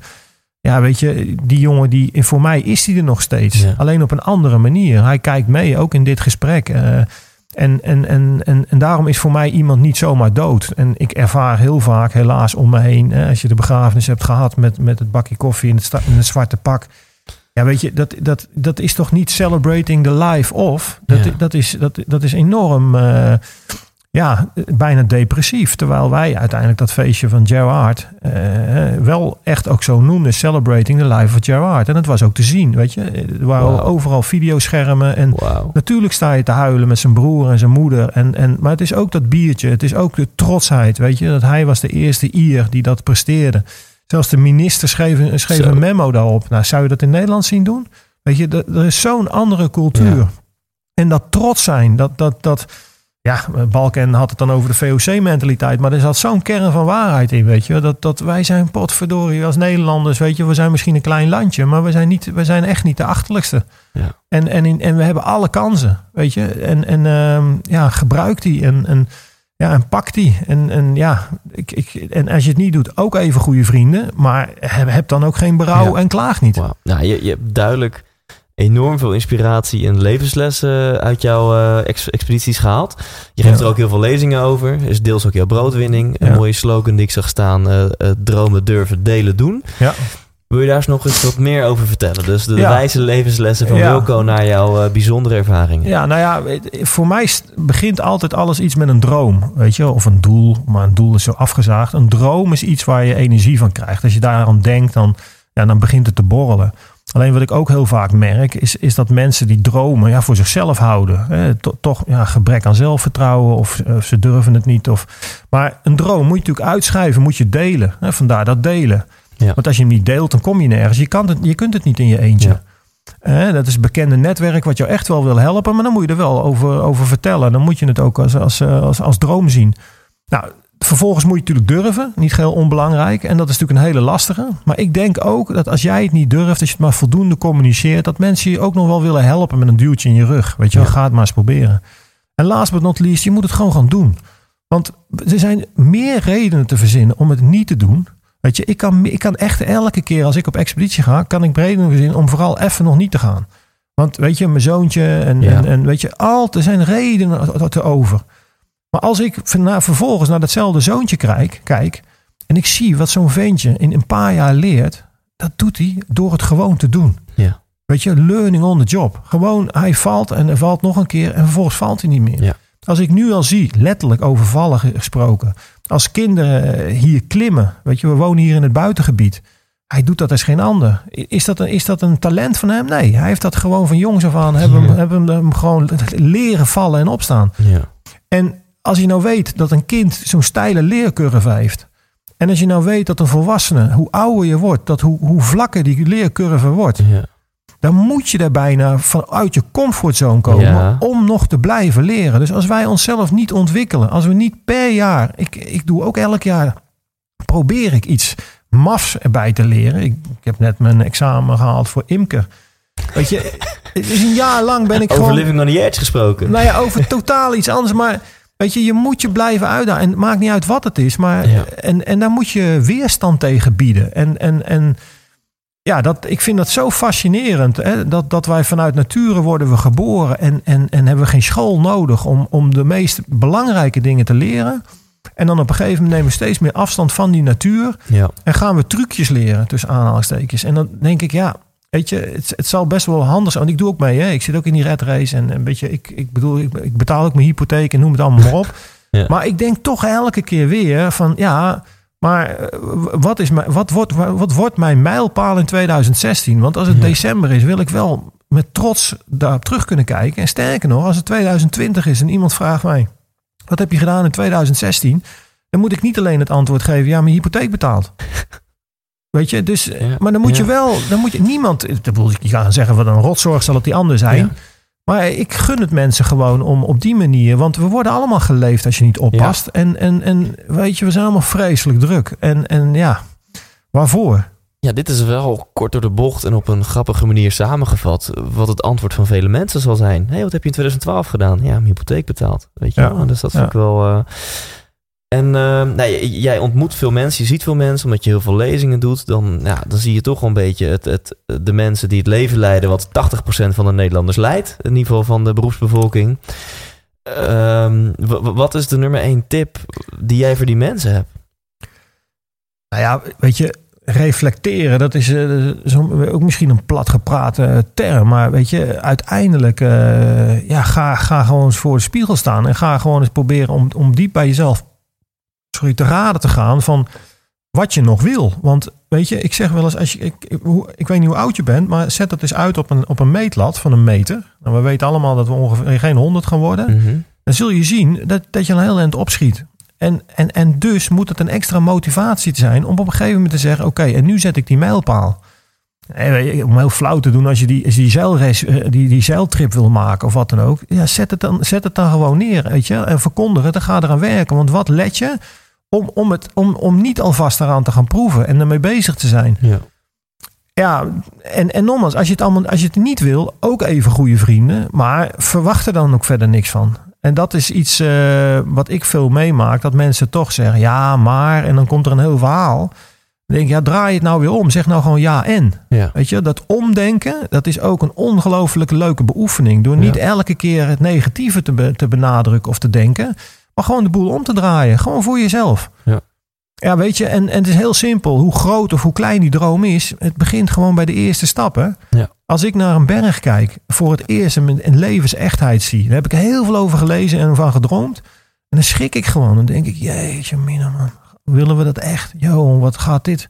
Yo, en dan zie je nog eh, vaak, nog vaak, soms onder die berg van die memorials. En dan denk je, ja, weet je. En dan toch begint het gewoon weer bij dat plan wat we gemaakt hebben. De eerste stappen te zetten Ja. die tijd ervoor te reserveren. Ja, en zet gewoon een kruis in je agenda en doe het gewoon. En weet je, geld, wat ik zei ik al eerder in het gesprek, is zo'n vertroebelende factor. Je hebt geen geld nodig om je grootste dromen waar te maken. En dat is geen dooddoenen. Betekent gewoon dat je morgen de eerste stap zonder geld Ja. kan zetten. Ja. En de tweede stap ook. En, en, en ik zeg altijd maar, als je van A naar C wil, dan moet je eerst het lef hebben om naar B te gaan. En dan kun je altijd nog besluiten, ga ik terug naar A of Ja. ga ik door naar C? Maar als je nooit die eerste stap zet, ja weet je, dan blijft het een droom. En dat is zonde, want dan ga je straks eh, zeggen, ja, hij heeft makkelijk praten. Ja. Ja. hoezo heeft hij makkelijk praten?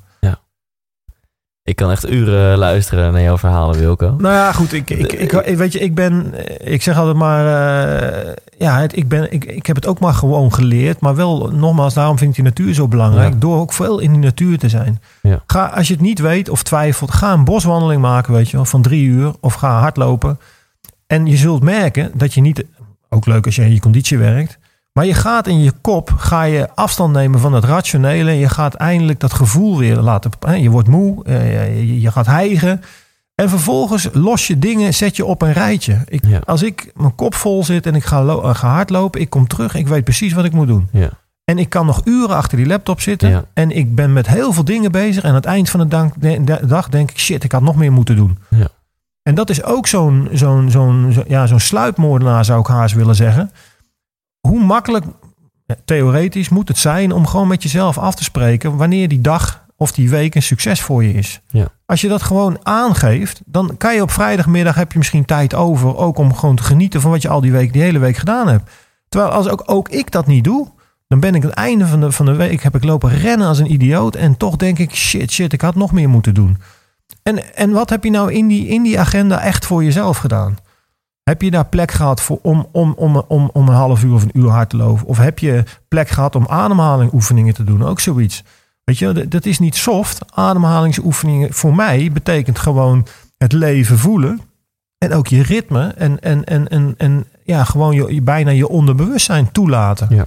Alleen zeggen mensen, ja, maar ik, ik weet, ik, het lukt mij niet hoor, om een half uur per dag vrij te maken. Nee, mij ook niet altijd. Maar ik weet wel dat in die week het mij wel gaat lukken. Ja. Nou ja, en dat zijn, dat zijn de grootste uitdagingen, Ja, en denk dat ik. is om- uiteindelijk ook weer natuurlijk, als, als iets prioriteit heeft, Klopt. dan betekent het volgens mij dat je dat als eerste doet. Anders heeft het dus blijkbaar geen prioriteit. En als jij dat echt belangrijk vindt, dan doe je dat als eerste. Klopt, klopt. Maar hoe, hoe moeilijk dat is, het is, ik, ik, weet je, ik kan, ik kan alleen maar ja, zeggen, ja, weet je, ik heb ook een vriend die werkt veel te hard. En elke keer als ik hem bel, hoe is het? Ja, te, te druk, druk, druk. ja. En, en ik, ik denk alleen maar, ja jongen, het is, het is dat je zo'n sterk lijf hebt, dat je, de- Ja. dat je, dat je dit volhoudt. Maar elk ander mens was al twee keer, eh, had al in het ziekenhuis gelegen, want je zorgt gewoon onvoldoende Ja. goed voor jezelf. En dan denk ik, ja weet je, het, je lijf, dat we onderschatten wij enorm, is zo'n intelligent Ja. systeem, weet je. Het gaat zo lang goed, ondanks het feit dat we er veel te weinig aandacht aan schenken, veel te weinig kwaliteit van leven, eh, of nou voedsel is of beweging of wat dan ook. Ehm, er is geen auto, nou ja, afgezien van onze duurzame Tesla's, maar die geen jaar zonder APK kunnen. Ja. Weet je, dus, en, en wij denken dat het lichaam, en dan worden we ziek en dan gaan we nog lopen klagen ook. Nee, het is gewoon een signaal van je lichaam van joh, zou het niet goed zijn om eens even heel even gas terug Ja. te nemen. En dat vind ik ook iets, weet je, je kunt, als je naar het ziekenhuis gaat ook, dan ga je eigenlijk, deponeer je een probleem bij een ander op zijn bordje. Een probleem bij een ander op zijn bordje, het is jouw lijf. Ja. Jij weet wat je ermee gedaan hebt. En jij weet ook wel wat je eraan moet doen om het, om het, Ja. om het beter te doen. En dat Ja. moet je trots maken. Dat moet, neem de tijd voor, ja. ja, voor goed voedsel en dat soort zaken. En dat lukt mij ook niet altijd. Maar het moet, het moet niet een, een, een continu systeem worden waarin het- je eigenlijk weet... Ja, dit ga ik niet Ja, volhouden. het is toch weer in je hoofd, zeg maar. Mijn held Tony Robbins zegt dan, eh, wat is de volgorde van je values, weet je wel? Wat, Ja, wat, ja, wat, do you value the most? En, en, en niet op de oppervlakte, maar echt op dieper niveau. En daar komt je gedrag vandaan. En dan is dat dan succes en achievement en power en dat soort dingen. Of is dat liefde en gezondheid? Precies, en precies, precies. En hier komt ook een vraag uit, want in mijn ogen zijn succesvolle mensen niet mensen die eh, eh, een sky-high carrière hebben of een sky-high bankrekening hebben. Maar in mijn ogen ben je succesvol als je geniet. Nou, daar zijn Ja. dan weer 6 miljoen Ja. boeken over geschreven, Ja. wat daarvoor nodig is. Ehm, en ik denk, en dat zit ook denk ik in wat jij nu zegt, dat ja, om echt te genieten van het leven moet je een balans hebben. Moet je ook goed voor je lichaam zorgen. Moet je ademhalen, het bos ingaan, want ik veel dat soort dingen. Hoe komt het nou dat zoveel mensen dat echt wel weten, diep Mhm. van binnen, ja. en toch dagelijks, wekelijks gewoon eh, Ja. leven vanuit Ja. die values van Ja. achievement en succes en carrière. En dat pas op plek 7, 8, 9 Ja. staat. Me-time, gezondheid, Ja. dat Ja. soort dingen. Ik denk toch door de druk van, van, van, van de omgeving, de maatschappij, de, de verwachtingen van, van, van, van je baas of eh, weet je, dat, dat soort, eh, of misschien wel je gezin. Ja. Ehm, hè, want, want ik zeg wel eens, je kunt alleen maar goed voor je gezin zorgen of, of, of, of, of, andere mensen, als je natuurlijk ook gewoon goed voor jezelf zorgt. Ja. En hoe, hoe beter je voor jezelf zorgt, hoe positiever jij in je vel zit en hoe makkelijker je ook Ja. andere mensen kunt meenemen. En ja, het is ook iets waar je continu aan moet werken. Mensen denken ook wel eens, nou, dat is iets voor vrijdagmiddag of voor het weekend. Nee, hoe gaaf is het als je, zeg maar, die balans tussen wonen en werken. Want niemand zegt dat jij tot zes uur eh, moet werken. Je kan ook zeggen van, joh, we gaan, eh, we gaan, we vanmiddag iets anders doen. Maar we gaan vanavond gaan we, gaan we, gaan we, we, draaien, we draaien het om. Of, eh, want uiteindelijk is iedereen erbij gebaat dat iemand, ja, goed in zijn vel zit en, en creatief is en met nieuwe ideeën komt en, en, en, en, en zijn schouders eronder onder zet. En, en dat krijg je niet door, en dat is heel verleidelijk, door, door zeg maar zo'n zo'n routinematig-achtig patroon. Want daardoor, ja, ik zou bijna zeggen, zakt iedereen weg. Dus hoe kan je de, de, de, de, de, de, de, de status quo challengen elke keer weer? Want als we hetzelfde doen als vorige week, ja, dan weten we hoe deze week gaat, gaat aflopen. Ja. En de vraag is, was je vorige week, was je vorige week eh, helemaal happy? Nee, vorige week. Het, eh, nou, hoe ga je het nou veranderen? En dat hoef je niet alleen te doen, maar dan moet je wel weer communiceren. En dan moet je er samen werken. En dan moet je het eigenlijk elke dag over hebben. Ja, en, en dat challenge de status quo, dat is, dat is, het is zo. Ja, ik zou haast willen zeggen, een mens wil gewoon, eh, ja, zeg maar, de, de, de- continu hetzelfde doen, want dat is lekker makkelijk. En toch weten we eh, uit onderzoek ook dat je daar niet de grootste vreugde uit haalt. Dus het is ook een soort spanningsveld. Maar dat Ja. wetende moet je daar wel continu eh, ja, aan, aan, aan werken. Stiekem in wat jij zegt zitten hele concrete tips. Zo van, denk aan het einde van de week. Was je deze week nou echt happy? Heb je echt genoten? Heb je de Ja. dingen gedaan? Ja, waar of dankbaar. Misschien is dankbaar eh, nog een beter woord van. Ik zeg wel eens, eh, als mijn, dat meen ik serieus, als mijn leven gewoon vandaag is afgelopen, ben, of morgen, dan, dan ben ik, dan ben ik gewoon, dat weet mijn vrouw ook wel inmiddels, ben, ik ben gewoon hartstikke dankbaar. Ja. Alles wat ik al heb mogen doen, eh, is fantastisch. Alleen het is zo gek, wat ik al eerder zei, dat je dus blijkbaar eerst bepaalde dingen moet meemaken voordat je dankbaar kunt zijn. Het, je, dankbaar word je niet omdat je genoeg geld verdient of een waanzinnig huis hebt. Dat is even leuk. Dat is al het materialisme. Maar dankbaar betekent echt in hart en nieren dat je zegt: het is, het is, als het morgen is afgelopen, is het ook goed geweest. Nou, wie durft nou het, het, het- hetzelfde te zeggen? Weet je, die, die, die dan die 80% waar je het over hebt. Dan zeggen ze: ja, nee, nee, nee er, zijn nog wel een paar dingen die moet ik, die moet ik nog wel even doen. Want anders dan, eh, nou, Ja. Waarom wacht je daar nou mee? En waarom maak je het niet bespreekbaar? Eh, of je, je vindt het niet belangrijk genoeg. Ja. Maar, maar alleen dat al. Da- da- en dat is weer het verhaal van ga nou eens voor de spiegel staan. Of ga in het bos lopen en ga eens... Je, je komt vanzelf bij je, bij je onrustige gevoel terecht. Ja. Ja. Alleen, ehm, ja, nemen wij die tijd? Ik, ik denk het niet. Wie neemt er nou de tijd om, om inderdaad gewoon, gewoon, gewoon... Ga gewoon wandelen zonder dat je daarna een afspraak hebt. En eh, ga gewoon voor de spiegel staan. Ik, ik weet, het moet gek zijn als je niet op, op, op een idee komt wat je komende Ja. week wil veranderen. En, en ik, als je het komende week te veel vindt, maak, het, maak er dan een maand van. Of zeg voor mij apart, ik ga nu al nadenken over 2017. 2017 moet een jaar worden. Ja. En als je, dat is het mooie van bergen. Als die berg zo hoog is, dan weet je dat je een maand daarvoor op die hoogte moet zitten, een maand daarvoor daar. En zit je daar niet, dan ga je evalueren en dan ga je afvragen waarom zitten we daar nog niet. Ja. En als je dat samen kan doen, met, met een team om je heen, dan, dan als iets dan niet lukt, ja, dan hoef ik in ieder geval niet te denken, het is mij niet gelukt. Dan kijk ik elkaar aan en zeg ik, het is ons niet gelukt. Wat gaan we er nu aan doen? Ja. Of vinden we niet meer belangrijk genoeg?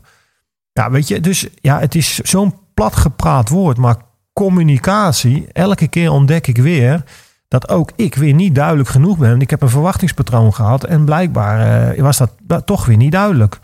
Of andere mensen hebben een verwachtingspatroon van mij gehad. En, en, en dan blijkt toch maar weer dat eh, communicatie zo lastig is.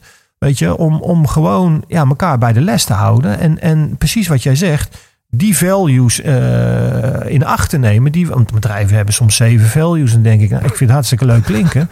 Maar als ik ze, ik zie ze A, nergens hier in het bedrijf hangen. Ja. En B, waar zie ik het dan terug in de onderhandelingen? Of, Ja. eh, of in de. En, en, en duurzaamheid ontbreekt breekt bijna altijd nog op dat lijstje. Ja. Denk je, nou, anno Ja. Want 2016. het kost alleen maar Duurzaamheid is Ja. toch niet alleen maar energie? Het is toch ook van hoe gaan we met elkaar Ja. om? Ja. Hoe gaan we, weet je, Ja. dat is iets van alle dag. Ja. Maar dat, dat, moet er wel, eh, dat moet wel terugkomen, want anders geloof je het niet. Het is echt verschrikkelijk pijnlijk dat we dit interview eh, moeten gaan, gaan beëindigen. Ja. Want ik vind het zo mooi. Als mensen, en ik ben daar absoluut één van, denken... ik wil meer van Wilco. Je noemde net je boek. Eh, waar kunnen mensen meer van jou, over jou vinden? Ja, ja, uiteindelijk natuurlijk op mijn website Team Wilco. Eh, maar als je googelt, je komt op van alles uit. Ja. Ehm, En ehm, ja, weet je, als je vragen hebt, schroom niet. Ik ben altijd gezegd, ik beantwoord alles. En ehm, ik, of het nou basisscholen zijn of de grootste directeuren of coöperaties, weet je. Ik, ik vind het leuk om mensen te inspireren, on, on, uh, of, uh, afgezien van hun achtergrond. Ja. En als ik daar een uh, bijdrage in kan spelen, dan, dan, dan, dan, dan is dat voor mij ook, geeft dat ook energie. Als ja. ik andere mensen energie zie krijgen, weet je wel, of, of nou ja, inspiratie zie opdoen, dat vind ik alleen maar mooi. Ja. En nogmaals, als ik met mijn Maffenbergen daar een bij kan dragen, alleen maar hartstikke mooi. Ja, en uh, die website is teamwilcovanrooyen.nl, toch? Ja. Ja, of teamwilco.nl. Teamwilco.nl, een stukje ja, makkelijker. makkelijker ja. Oké, okay, te gek. Dat, dat, boek, uit welk jaar is dat? Uh, ja, inmiddels alweer 2000, uh, wanneer het gebeurde, 2008. En het ja. laatste is 2011 of okay. zo. Update. Er zitten ook filmpjes in met QR-codes. Die boeken zijn nog steeds te bestellen, toch? Ja, en via mijn website dan krijg je ze ook nog gesigneerd. Dus, uh, oh, dan, ja, ja, want ik denk, nou, ik, ik, ik koop een paar van je boeken. En als jij die wil signeren, dan ga ik die verloten onder mijn luisteraars. Hartstikke leuk, superleuk. Dat is te gek. Ik vind het echt heel tof. Ik ga je boek lezen, want ik vind het zo fascinerend ja. en mooi. Nou, het is, nogmaals, het is iets wat je niet van tevoren kan bedenken. En dit was extra bijzonder omdat ik ook de dagboekfragmenten van mevrouw heb mogen gebruiken. En dat was eigenlijk Zo. alleen maar omdat ik het anders niet uitgelegd kreeg. Zo. En, um, maar dan begrijp je een beetje de persoonlijke, nou ja, ik, ik, uh, kwinkslag, die, of dat is niet het goede woord, maar nou ja, wat, wat, wat in het, het hele boek. Uh, het is geen heldenverhaal. Het is, het is in die zin een verhaal, ook als je niet klimt, uh, ja, absoluut inspiratie, energie krijgt. Dat als je weg doodloopt in het leven, om het dan maar zo te zeggen, dat je niet de hoop hoeft op te geven. Ja. Ik, ik voel nu al, dit wordt een boek uh, dat ik niet met uh, droge ogen ga uitlezen. Nee, ik zelf hou het niet eens droog nee. als ik de dagboekenfragmenten ja. moet oh. voorlezen. Dus, ja. ja. Ik, uh, ik sla het onder spot gedeelte even over. Yep. Tenzij je dat heel graag wil. Nee hoor. En uh, ik pak een vraag erbij uh, die Michael Pilarczyk aan jou heeft gesteld. Ja. Komt ie. Wat drijft je om dit soort, in mijn optiek, risicovolle acties uit te halen? Waarbij volgens mij je leven af en toe op het spel kan staan. Um, waar best wel consequenties aan zitten als het misgaat. Heb je mij ook. Hè? Dan ga ik toch direct van, maar wat nou als het misgaat? Um, maar wat drijft je om dit dan toch te doen? Waarom, waarom wil je op die top van die berg staan? Wat, wat is je motivatie om dat te doen? Wat maakt het zo belangrijk dat je dat juist wil doen. Ondanks alle gevaren. Daar ben ik heel benieuwd naar. Ja, ik, ik snap de vraag. Dat is natuurlijk eh, een veelgestelde vraag. En ik snap ook dat als je nou ja, niet echt in de materie zit, dat je die vraag stelt. Uh, want uiteindelijk, ja, weet je, als je het als topsport beschouwt, dan denk je, ja, alle topsporten zijn geweldig, maar je verliest meestal je leven er niet bij.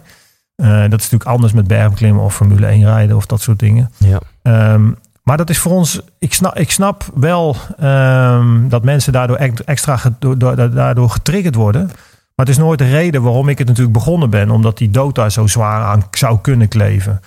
Je begint het zeker als kind uh, vanuit, vanuit, een, vanuit een plezier. En het moment dat je, zeg ik wel eens, um, ja, de deur achter je dicht trekt en je gaat de natuur in, dan begint het al dat je eerst moet nadenken, wat neem ik mee? Want je, hebt natuurlijk, je gaat ervan uit dat het kan regenen, het kan stormen, je hebt water nodig. Kortom, je gaat er voorbereiden. En met dat rugzakje op uh, voel je je ongelooflijk in je eigen kracht staan. Want je weet dat, dat niks anders je meer gaat helpen. Weet je? Als je, je, het is jij tegen die kwetsbare natuur. En dat opent eigenlijk ook je, ja, ik zeg wel eens je, je mind. Um, waardoor je het leven beter gaat, gaat, gaat leren kennen, maar vooral ook jezelf. Uh, als je jezelf kwetsbaar in die natuur opstelt, je weet van die natuur ga je het nooit winnen, dus je moet je heel goed voorbereiden. En tegelijkertijd uh, gaat die natuur jou hele, uh, ja, hele, hele simpele lessen leren, wat ik al zeg. Weet je, je, voelt je hartslag, maar je, je, je, voelt ook dat je op bepaalde momenten te zwak bent. En het mooie is, eh, als je dan met een team bent, dat je maatje dan eh, de rol overneemt en je uiteindelijk op een top brengt, waarvan je onderweg misschien tien keer zei van, nou, ik, ik, ik kon het echt niet. En ik had, ik, alleen als ik het nooit, had ik het nooit gehaald. En als je dan samen daar staat, ja, weet je, dan, dan, dan breek je gewoon en, en, en rollen de tranen over je, over je wangen. En dat vind ik zo fascinerend gegeven. Dat is niet alleen bij mij. Als ik met, mm -hmm. zeg maar, zeg maar, met managers wel eens de Mont Blanc beklim, dan zie ik datzelfde gebeuren. En dan hoor ik diezelfde managers, die hebben een waanzinnig bedrijf. Die zeggen wat er daar met me gebeurd is, dat kan ik met niks vergelijken. Ja. Dat kun je niet eens aan je vrouw uit. Als jij aan je vrouw vertelt dat je, dat je hebt lopen janken omdat je een berg op een bergtop stond, dan denkt die vrouw van nou, lekker belangrijk.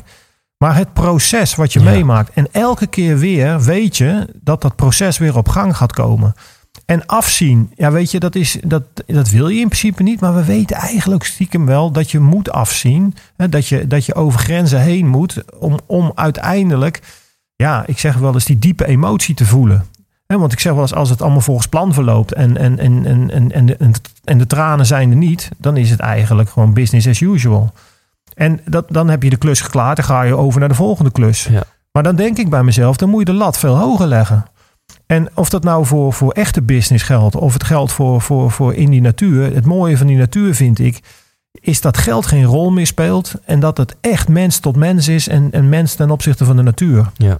En ja, dan, dan, dan, dan, dan ontstaat er een, een, ik zeg wel eens een verbinding op een veel dieper niveau, die ik in het normale leven bijna niet voor elkaar krijg. Als ik met mijn ja. beste vrienden, waarmee ik naar de kroeg ga, is echt hoor, super lachen. Maar soms, eh, na zoveel jaren, zijn natuurlijk een aantal dingen dan gebeurd, denk ik van ja, die vriendschap is toch anders geworden. Terwijl ik met diezelfde klimvriend, heb ik, daar kom ik net twee weken geleden weer van terug, en die zie ik echt niet super vaak. Maar in de bergen zijn we gewoon, ja, Ronald Naar noemde ons ooit een Siamese tweeling. Mhm. Terwijl we zo anders zijn. En in het normale leven zouden we elkaar glad voorbij gelopen hebben. En toch, weet je wel, is door, door, door die beklimmingen krijg je een verbinding dat je weet, ja, weet je, dit, dit zijn de mensen waar ik, waar ik echt kan bouwen. Is, is dat misschien een samenvatting van jouw antwoord op die vraag? Van waarom doe je wat je doet? Als je zo'n berg beklimt, dan ontstaat er een verbinding op een dieper niveau die je in het normale leven Ja, niet voelt. Een verbinding met jezelf, met natuur, klopt. met de mensen om ja, je heen. Ja, dat is denk ik een goede, vooral wat je zegt, inderdaad met jezelf, met je, met je, met je natuur om je heen en met die mensen, met die mensen waarmee je bent. En ook al doe je het niet met je beste partner, ook, ook die, die zogenaamde managers waarmee ik dan, die, daar, heb ik nog, ja, maar daar heb ik nog steeds een binding mee. Ja. Dat is toch raar? Ik ben één keer met ze, nou ja, zo'n berg op geweest. En toch, ik kan ze bellen en ik weet, ik weet gewoon dat ze altijd tijd voor me maken. En dat vind ik zo bijzonder. En, en dat is toch omdat je, ja, Ja. iemand zei ooit tegen Ja. mij, jij hebt het over eh, buiten de comfortzone treden. Maar wat jullie doen, jullie gaan into de, de danger zone. En wie van ons gaat nou into de danger zone? En dan gaan wij op in die hoge bergen gaan we nog, nog een stap verder. Maar dat is natuurlijk ontzettend fascinerend als je bereid bent om met een aantal mensen gewoon een risico te nemen waarvan we eigenlijk in dagelijks leven zeggen van, eh, want eh, dat is voor heel veel van die mannen best lastig uit te leggen thuis ook. Van, van waarom ga je godsnaam zo'n berg op? Ik bedoel, er sterven toch elk jaar eh, genoeg mensen, ook op de Mont Blanc. En dan kan, heb ik wel een heel verhaal wa- waarom en hoe. Maar waarom doe je, waarom zou je het dan doen? En toch een hoop van die gasten die zeggen, ja, ik heb een voorbeeldfunctie ook binnen mijn bedrijf. En ik, eh, ik vind dat we dit met elkaar moeten doen. Want als we het dan over een team hebben, dan, eh, dan, dan, dan zullen ze echt, echt begrijpen dat we het over een team hebben. En het leuke is dat er hele andere, of je nou van de postbodekamer bent of je bent van de directeur, het, die rol maakt helemaal geen reet meer uit. Want je kunt namelijk niet meer terugvallen op een soort trucje wat wij hier ontwikkeld hebben. Ja. Hier kijk je heel erg van, nou, wat voor kleding heb je aan, eh, wat voor rol heb je, welke functie. Ja, ja. Maar op het moment dat je in de bergen loopt, als jij degene bent die geen regenjas bij zich heeft, hebt, of je hebt een slechte regen, dan word je gewoon zeiknat. En als je geen team hebt, dan zegt, ieder- dan zegt iedereen, jij hebt een kutjas. En als je wel een goed team hebt, dan zegt hij, joh, moet je mijn jas hebben? Nou, dit soort, dit soort ja, simpele zaken, maar die wel van essentieel belang zijn, ja, die zijn geweldig. En die, Ja. je- die- wat ook zo leuk is, is ik, eh, of dat nou op de Mount Everest is. Nou, dit hoor je wel, denk ik. eh. Ja, wat, is het een papegaai? Of nee, eh? dat is de deurbel. Oh, dat is de deurbel. Kom maar weer. eh, eh, dames en heren, Wilco die, die liep eventjes naar de deur om open te doen voor de postbode. Eh, wat, ik, wat ik nog even kwijt wilde was dat of je nou de Mount Everest beklimt of bijvoorbeeld zo'n Mont Blanc, het spel is hetzelfde. En wat je ziet gebeuren is gewoon dat je ziet gewoon dat ja, de ene nou eenmaal meer energie of, of, of power heeft dan de ander. En op het moment dat die ander dan bijna niet kan, dan wordt hij letterlijk op sleeptouw genomen. Want ja, die, gast, die, die andere gast die wil natuurlijk wel naar de top. En we hebben inmiddels natuurlijk ook het spel gespeeld van alleen naar de top gaan. Dat is geen optie. Hè. Het moet veilig zijn met een touw enzovoort. Dus dan kan je maar één ding doen. En dat is gewoon je collega op sleeptouw nemen. En op het moment dat je dat doet. En iemand heeft het dan echt zwaar hoor. Het tempo is echt bijzonder traag dan. Vooral het laatste stuk. Want je gaat toch bijna naar, bij- naar 5000 meter. Dus waar de helft van de hoeveelheid zuurstof eh, aanwezig is als op zeeniveau. Dus je ademt door een rietje zeg ik wel eens. Ja. En je komt op die top. Ja weet je dan. Dan heeft die ander echt letterlijk gevoeld van. Jij, jij hebt iets heel bijzonders voor mij gedaan. Want ja, zonder jou was ik, was ik niet boven gekomen. Ja, en als dat dan de directeur is, die jij op sleeptouw hebt genomen, ja, dan kun je bij die directeur natuurlijk nooit meer wat fout doen. Ja. Maar hetzelfde geldt natuurlijk gewoon bij de collega op je afdeling. Ja. Je hebt, je hebt, je hebt iets, iets, iets laten zien van jezelf. Ja, wat, wat gewoon verder gaat dan je individuele ambities. Ja. Want ja, individueel had je bij wijze van spreken wel kunnen zeggen, nou dan gaan we terug en dan ga ik zelf nog een keer alleen terug. Ja. Maar in dit geval, weet je wel, je neemt wat over van zijn rugzak. eh, En dat doe je allemaal natuurlijk stiekem ook voor jezelf. Want dan maak je de kans groter dat je zelf de top haalt. Mhm. Maar het feit dat jij iemand zijn rugzak overneemt. Hoe vaak zijn wij in het bedrijfsleven bereid om letterlijk iets van jouw taak over te nemen? Dat, dat gebeurt bijna niet. Ja. Mensen durven het niet eens te vragen. Nou, dit soort gave dingen, dat, dat brengt de emotie en, en de tranen teweeg. En, en weet je, eh, ze hebben moeten eh, trainen een half jaar lang. Ze hebben het moeten uitleggen aan hun vrouw. Eh, kortom, die hele film komt dan terug. En, en, en waarom? Ja, omdat je een of andere top hebt beklommen. Maar het proces, dat is, dat is, zo, dat is zo bijzonder. Ja. En het heeft niks met geld te maken. Het heeft nou, wel iets met ambitie te maken. Maar het heeft vooral te maken met jezelf te durven laten zien in al je kwetsbaarheid. Nou ja, en, en hopelijk ook eh, iets voor een ander te kunnen betekenen. ja, en het verandert je leven 600 keer meer dan de Absoluut. zoveelste presentatie over de kwartaalcijfers. Ja, die, die, die, ik zeg altijd maar, interview iemand na afloop en vraag hem. eh, Niks blijft hangen. En, en, en dat is ook logisch, want het is veel te veel informatie. En, en dat, daar heb ik zelf ook eh, zo'n valkuil voor mij. Eh, ik ben natuurlijk heel erg graag, wil ik, wil ik, maar ja, beter drie dingen dan, dan, dan een presentatie met allerlei Ja. cijfers en dingen. Ja. En, ehm, maar wat ik, wat, ik, wat, ik, wat ik belangrijk vind is, is dat, dat onderschatten wij vaak. Maar het gevoel, het onderbewustzijn wat er is hè, tussen jou en mij. Dat kunnen wij misschien niet uitspreken. Maar dat hebben wij binnen, binnen één minuut. Of binnen een aantal seconden hebben wij dat van elkaar al door. Ja. En wij kunnen elkaar met presentatie proberen te overtuigen. En ik geloof het gewoon niet als het gevoel niet klopt. Ja. En dat is iets wat misschien op zo'n berg ja, eh, op een hele natuurlijke, organische manier ja, eh, ontstaat. Ook omdat je 24 uur per dag bij elkaar, dus het maakt niet meer uit hoe je eruit ziet. Eh, je bent niet gewassen, geschoren enzovoort. Mhm. Eh, nou ja, en je moet er wat van zien te maken. En we hebben van tevoren gezegd, het wordt geen luxe, luxe partijtje. Nee. Dus het is toch fantastisch als je die regenbui op je kop krijgt of, eh, of wat dan ook. Ja. Alleen, eh, de vraag is van, zeg je dan van ja, ik, ik ga terug, want eh, ik, ik, heb pijn in mijn knie. En dan probeer ik uit te leggen, je kunt ook met pijn in je knie de top bereiken. De vraag is alleen van, ben je bereid om door die pijn heen te gaan? Ja. En ik zeg niet dat het kapot moet lopen, want ik kan het niet voelen. Maar schat het zelf even Ja. in. Ja. En dan kan je zeggen, nou, als jullie me helpen, dan, dan denk ik dat het nog wel kan. Nou, oké, dan moeten we misschien je rugzak overnemen. Ja. Nou, dit, dit soort processen, ja, dat is gewoon fantastisch om te voeren. dat, dat, dat geloof ik 100%. Ja. En, en, en, en dat is ook iets jongen, een jongensdroom blijft het toch ook een beetje, weet je. Dus, dus Ja. ja, en wie wil, misschien doen we dat wel te weinig, weet je. Dit soort ja, jongensdromen ik gewoon wel. te organiseren en te doen. En, en het gaat verder dan, dan een weekje skiën. Hè. Ik bedoel, dat is Mhm. weer een soort luxe Mhm. dingetje. Maar, en het mag ook, ik bedoel, ik ben niet vies van luxe, maar ik, ik, ik weet gewoon dat als we, eh, nou laat ik het maar even heel eh, plat uitdrukken, een beetje een pak op ons donder krijgen, dat, dat, dat, dat is gesprek voor, voor, voor jaren in Absoluut. het bedrijf. En Ja. dat is het niet. Ja, als we in Zuid-Afrika, eh, weet ik veel wat, wat voor luxe.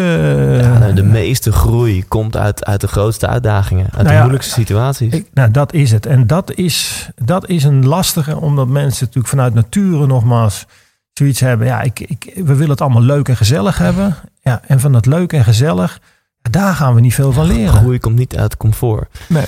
nee. Ehm, nou, om, eh, je noemde net een paar keer topsporter. Volgende week eh, interview ik een topsporter. Yep. Een, eh, sport die, die ook denk ik best wel gevaarlijk is. Een wielrenner, Michael Bogert. Ja. Je hebt de vraag al naar mij gestuurd. Ja. Maar misschien kun je hem nog even herhalen. Nou, waar ik heel benieuwd naar ben, eh, na zo'n lange eh, carrière. ehm, nou wat, wat Michael Bogert nou als, als belangrijkste lessons learned heeft. eh, ook voor zichzelf, maar natuurlijk ook voor andere wielrenners. En ik ben heel erg benieuwd als hij nou weer diezelfde carrière over zou doen. ja, wat hij anders zou doen. Eh, want ik, ik, ik, ik, eh, ik heb zo'n gevoel, dat lijkt me althans. Iedereen leert natuurlijk van, eh, van de keuzes. eh, maar dat, dat je een aantal dingen toch anders doet. En wellicht dat hij daardoor ook andere wielrenners weer nou ja, mee zou kunnen, kunnen helpen. En niet alleen wielrenners. Misschien zijn die lessen wel heel menselijk en breed, ook voor ons. Thanks, ga ik aan hem stellen. Ik ben heel Leuk. benieuwd naar zijn antwoord. Tot slot, is er nog, nog iets wat je niet hebt gezegd... waarvan je denkt, ja, dit wil ik de mensen nog even meegeven?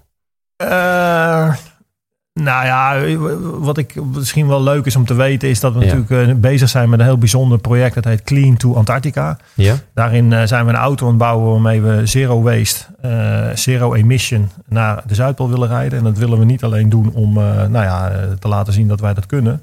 Maar uiteindelijk weer om de jeugd te inspireren om, om, om het slimmer te doen dan wij. Ja. En, en die auto zit vol met innovaties. Want ik bedoel, het is nog nooit gepresteerd. Dus we gaan als Nederlanders ook geschiedenis schrijven. Tof. Maar ook wat ik in zo'n project dan allemaal weer tegenkom waarvan ik op voorhand dacht, dat kan allemaal niet.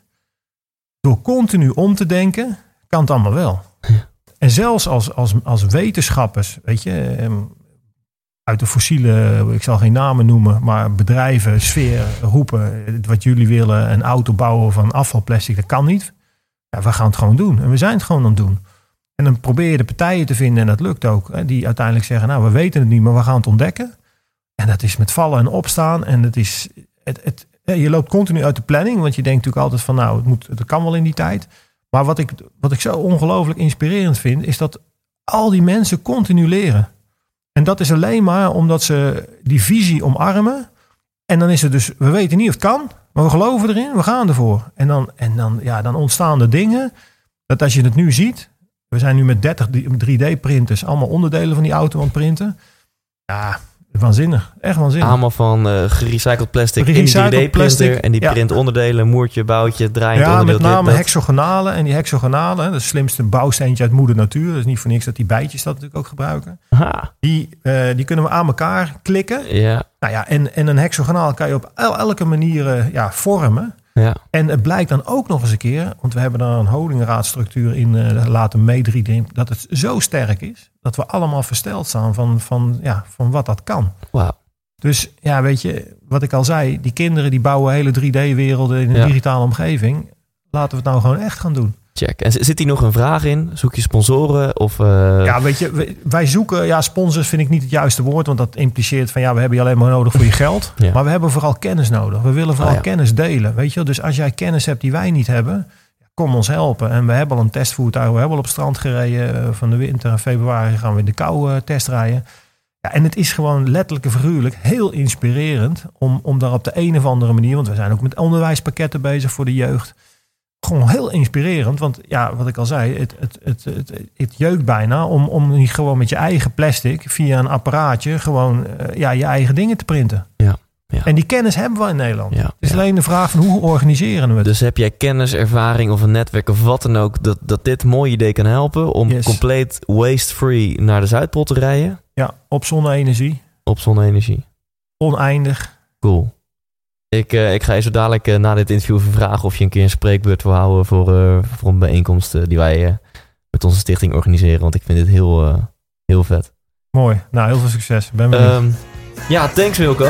Alsjeblieft, bedankt.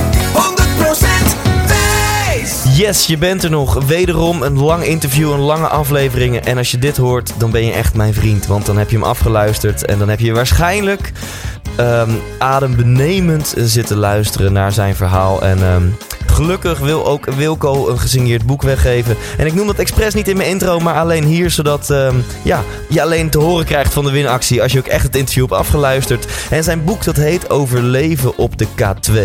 Nou, na die sneak preview die hij in dit interview heeft gegeven, ben ik echt rete benieuwd naar het hele verhaal. Ehm, overleven op de K2, die kan gesigneerd jouw kant op komen als jij een mailtje stuurt naar thijs.thijslindhout.nl en geef heel kort even aan eh, wat dit interview met jou heeft gedaan. Dat vind ik leuk om te lezen. Volgende week Michael Bogert. Ik vind het echt tof dat ik voor het eerst een topsporter eh, ga interviewen. En ehm, ja, ik ben heel benieuwd naar zijn antwoorden en eh, ik hoop jij ook. Tot dan en leef intens.